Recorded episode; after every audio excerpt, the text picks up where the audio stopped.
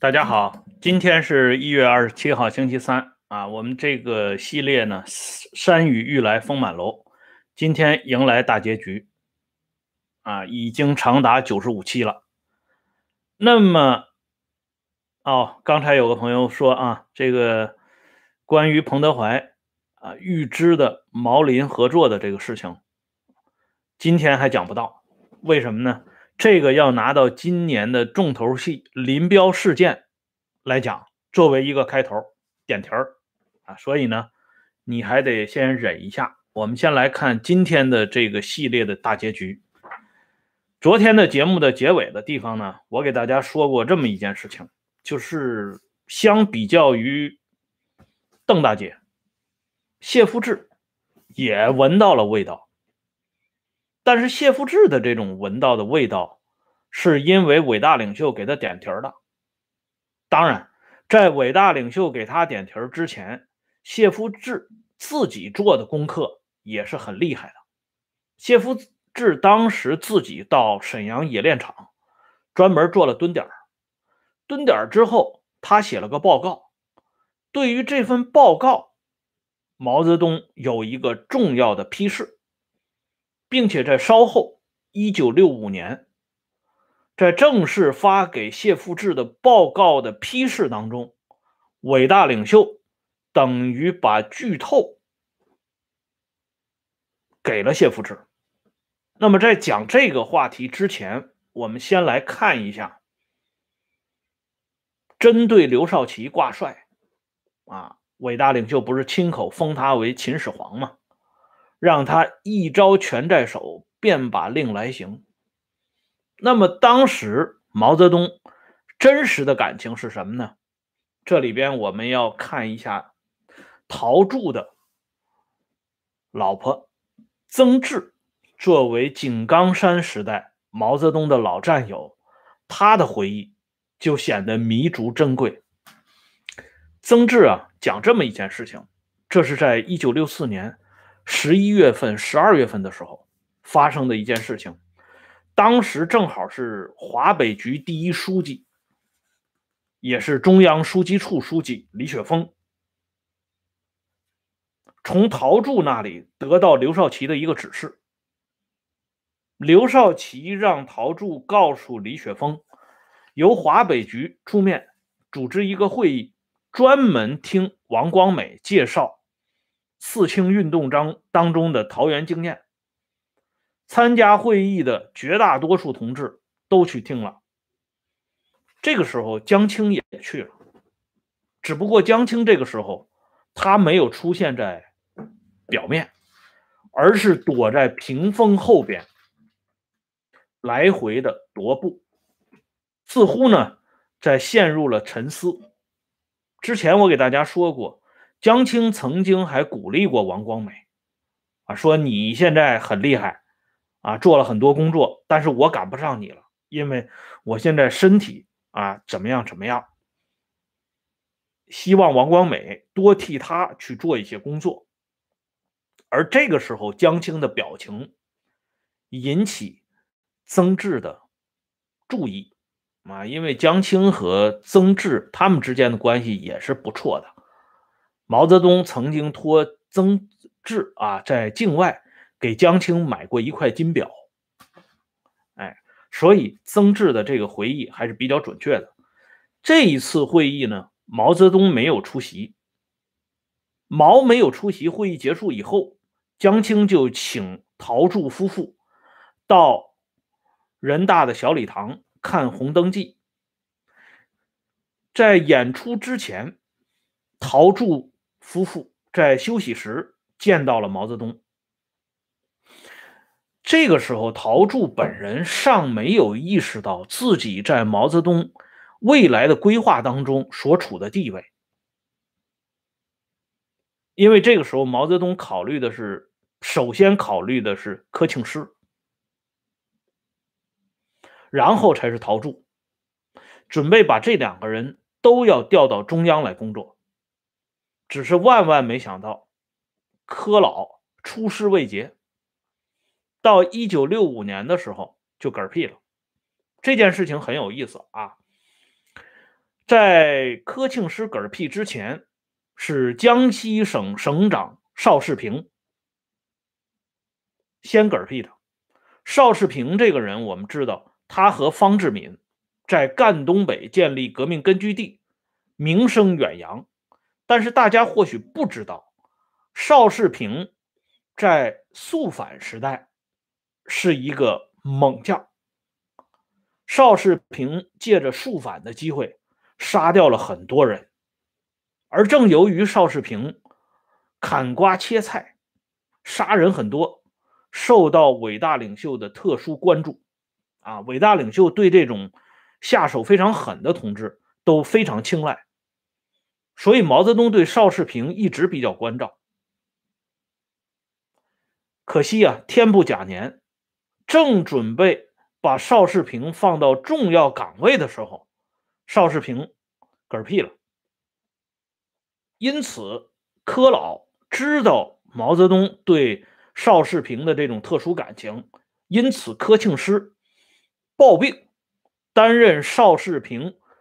治丧委员会主任委员，可是哪知道柯老担任邵世平的治丧委员会主任委员不久，柯老自己也嗝屁，也嗝屁了。啊，这件事情啊很有意思。毛泽东要借助的两员大将一前一后，在一九六五年都去世了。正由于这两个人的意外嗝屁。让陶铸和谢富治脱颖而出，要不怎么说呀？这什么人他能出来，他都是有先决条件的。而这个时候，毛泽东在休息室里边，呃，接见了陶铸和曾志夫妇。毛泽东当时就问陶铸说：“你们的会开完了吗？怎么我没有参加这个会，就散会了呢？”接着，毛泽东说了一句。让陶铸夫妇大吃一惊的话，毛泽东说：“有人就是往我的头上拉屎尿，我虽退居二线，还是可以讲些话嘛。”这个时候，陶铸夫妇，陶铸夫妇再麻木，他也能意识到了，这里说的有人，指的恐怕就是刘少奇。但是作为啊，距离刘少奇地位很远的陶铸夫妇两个人，他不敢多想，他不敢往那个方向上想。更主要的是，他们也没有可能在两位主席之间调解矛盾，你也没那个资格呀。所以这两个人就选择沉默。然后毛泽东打破沉默，追问陶铸：“你们开会的人是不是都已经走了？”啊，陶铸说。有的已经走了，毛泽东说：“告诉他们走了，赶紧回来。”这就是老大发脾气了。而在观看《红灯记》的时候，江青作为毛泽东的重要助手，对曾志说了一句话：“他说有人反对京剧改革，我就是要搞京剧改革。”陶铸、曾志两个人。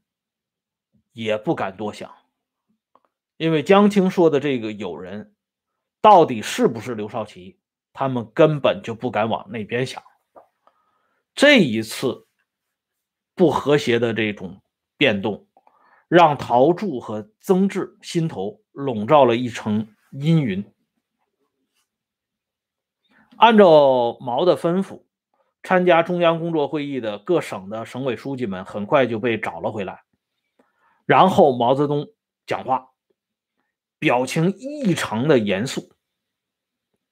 他说了这么一句话：“他说，新生资产阶级，有的在党内，也有的在党外，有的在台上，也有的在台下，有前台的，也有后台的。”这个话呀，掷地有声。据当时参加会议的人后来回忆，啊，像当时的山西省委书记。他晚年就有过一个回忆，他说：“当时毛说完这番话之后，大家面面相觑，只是互相沉默的看了两眼。当时会场寂静到什么程度呢？扔掉一根针都能听到响声。因为以前毛泽东在召集这些省委书记们开会的时候，毛通常是要开两句玩笑的，啊，打破一下沉闷的气氛，然后会问两句距离他最近的几个省委书记啊，你们最近工作的怎么样啊？生活的怎么样？有的时候甚至会问到省委书记的家属，啊，还会说出这个家属的姓名，显得整个啊气氛非常融洽。可是这一次开会，毛泽东没有开场白，没有这些不必要的寒暄，直奔主题。而且这位山西省委书记，他说他因为距离毛泽东很近啊，他看到。毛的脸部特征，他说，主席当时讲这个话的时候，脸上绷得很紧，甚至微微有那么一点颤抖，手里呢破天荒的拿着一支红蓝铅笔，在纸上不停的写，啊，不知道主席写什么东西，一边说话一边写，啊，直到他后来被打倒的时候，他才意识到，主席这个时候。已经吹响了对他们革就是镇压的号角了。这个会议开完之后呢，赶上毛泽东的生日，十二月二十六号，毛泽东呢就请了一批人。这个生日晚宴筹筹备小组就有两个人挑头，一个是汪东兴，一个是江青，陶铸、曾志。李富春、胡耀邦，他们呢是到的最早的一批。一会儿呢，毛泽东自己也进来了。然后毛泽东说了一番话，说：“东兴同志，那讲了，罗瑞卿和陶铸让我请客，好吗？今天我就来请。李敏要同我来，我说你不下乡不行的。李讷呢？李讷下乡搞四清了。”他没资格来。这个一开始啊，作为寿星的毛泽东态度就非常严肃。但这个时候，大家啊都没意识到，今天的这个生日宴会，伟大领袖居然要开炮。而开炮的主角之一李富春，这个时候正好跟胡耀邦谈笑风生。这胡耀邦这个人啊，咱们说这个人比较单纯。他当时呢，呃，据这个目击者讲，胡耀邦那个时候很有意思，他还跟李富春这个要中华香烟啊，说富春你那里有这个富裕的香烟，给我匀一些，我今天晚上主席的生日，我要多抽两颗烟。他们之间还开了玩笑。等到入席之后，毛泽东突然扭头对坐在身旁的李富春说：“富春。”你们什么事情都不跟我讲，你们搞独立王国，这现场的气氛一下子就紧张起来了。这是生日晚会啊，生日的主角如此的咄咄逼人，并且居然把矛头对向李富春。这李富春跟毛的关系太深了，当年在延安时代，李富春就是毛的管家之一啊。可是这个时候，毛突然对李富春发难。很多人就是感觉措手不及。不过呢，李富春本人很有经验。李富春知道一点，就是毛泽东想批评谁的时候，如果不好直接点名，他通常都是把李富春拉出来当靶子。这就是谓的“亲者严，疏者宽”的道理。哎，只有亲信才能领取这份赏识。别人，你想让领伟大领袖呲儿你几句，那不现实。所以李富春呢，只是憨厚的一笑，不吭气儿。但是毛的话没有结束，毛呢，整个就开始讲了：有人搞独立王国，尾巴翘得很高。曾志晚年回忆。他说：“主席当时说的话，很多话都是话中有话，而那个时候，室内一点声音都没有，安静的吓人。只听主席一个人在那里嬉笑斥责，根本不敢去做任何的猜想。包括陶铸自己都说：“我们那个时候怎么敢往少奇身上想呢？”但是毛当时的矛头所指，正是刘少奇。这饭呢吃的很沉重，但终于吃完了。吃完以后，毛泽东向钱学森和陈永贵介绍曾志。介绍的时候说了这么一句话：“这位是曾志同志，井冈山的。现在井冈山没有几个人了。”这番话我们都熟知啊。当初毛泽东跟龚楚也说过这样的话，而且那个时候也正是毛泽东在政治上处于低潮的阶段，所以后来大家就发现一条规律：只要伟大领袖发出感慨，说井冈山的同志不多的时候，那么一场巨大的波澜可能就在眼前了。当然。在总结这条规律的时候，很多人已经被波澜给无情的卷了进去了。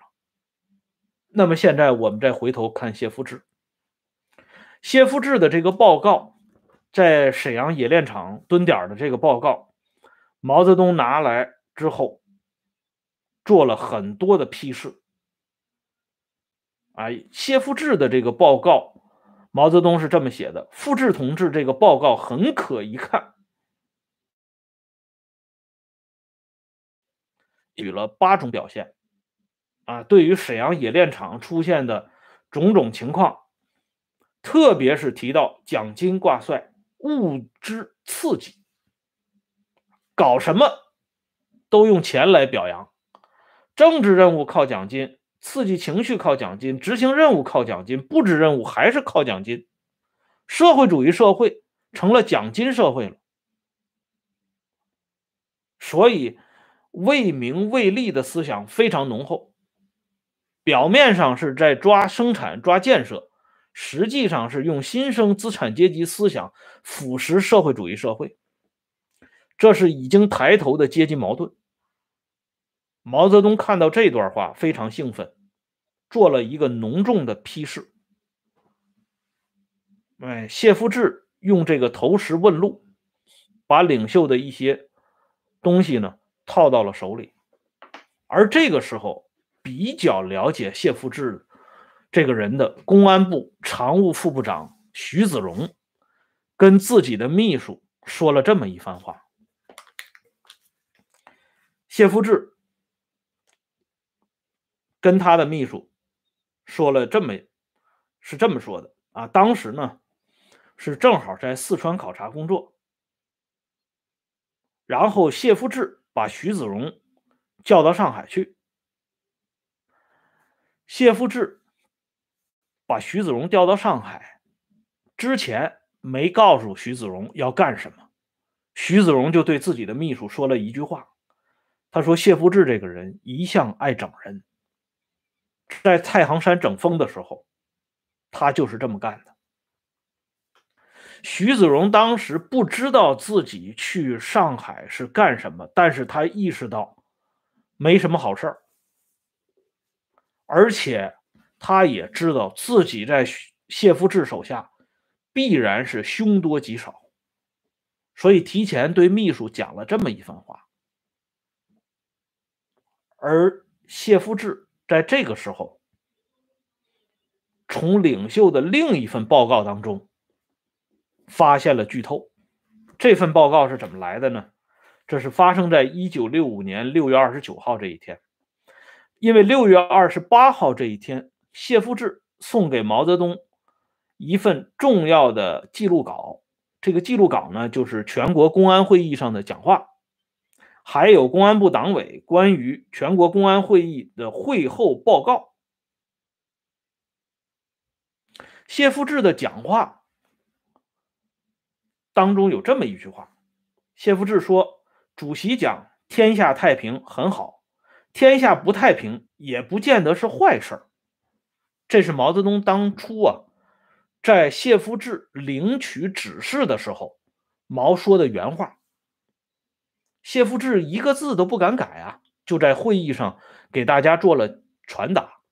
这大家听到天下不太平，也不见得是坏事儿，所以很多人就开始交头接耳，说我们是搞公安工作的，虽然我们的任务是抓人，啊，可是我们不希望这个呃抓的人越来越多呀，怎么能说天下不太平不见得是坏事儿呢？可是这个报告送到伟大领袖那儿之后，毛泽东。在这句话下边做了一个重要的修改，什么修改呢？我们看一下，毛泽东把原来写的“天下不太平”五个字改成“天下大乱”，而且在这句话后边又加写了一段话：“乱有乱的极大好处。”后来文化大革命当中不是经常有这句话讲吗？乱了敌人，锻炼了人民。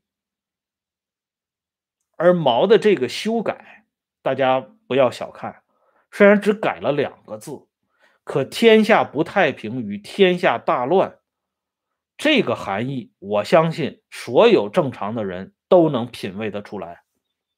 而在一九六五年六月二十九号这一天。毛泽东把“天下大乱”四个字批给了谢富治。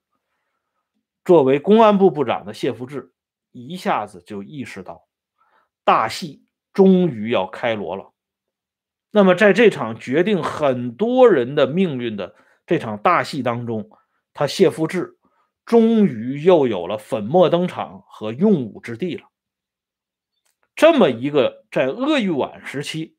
就以整人著称，在川陕根据地，啊，就以杀人著称；在太行整风的时候，又以打小报告著称的人，有了用武之地。那么大家想一想，这个时代进入到了一个什么样的情况？这就是我们系列当中的主标题：“山雨欲来风满楼”，而且正是从这个时候开始。伟大领袖携重上井冈山的余威，再一次把全中国推到了风口浪尖上，而那个很多正常人永远不愿意回首的峥嵘岁月，终于降临了。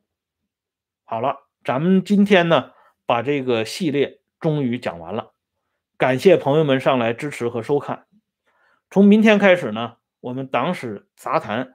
会给大家推出一个新一点的话题，哎，届时呢，欢迎大家持续关注和收看，也希望大家啊继续关注温相说时政会员频道，每天都有更新。好了，再见。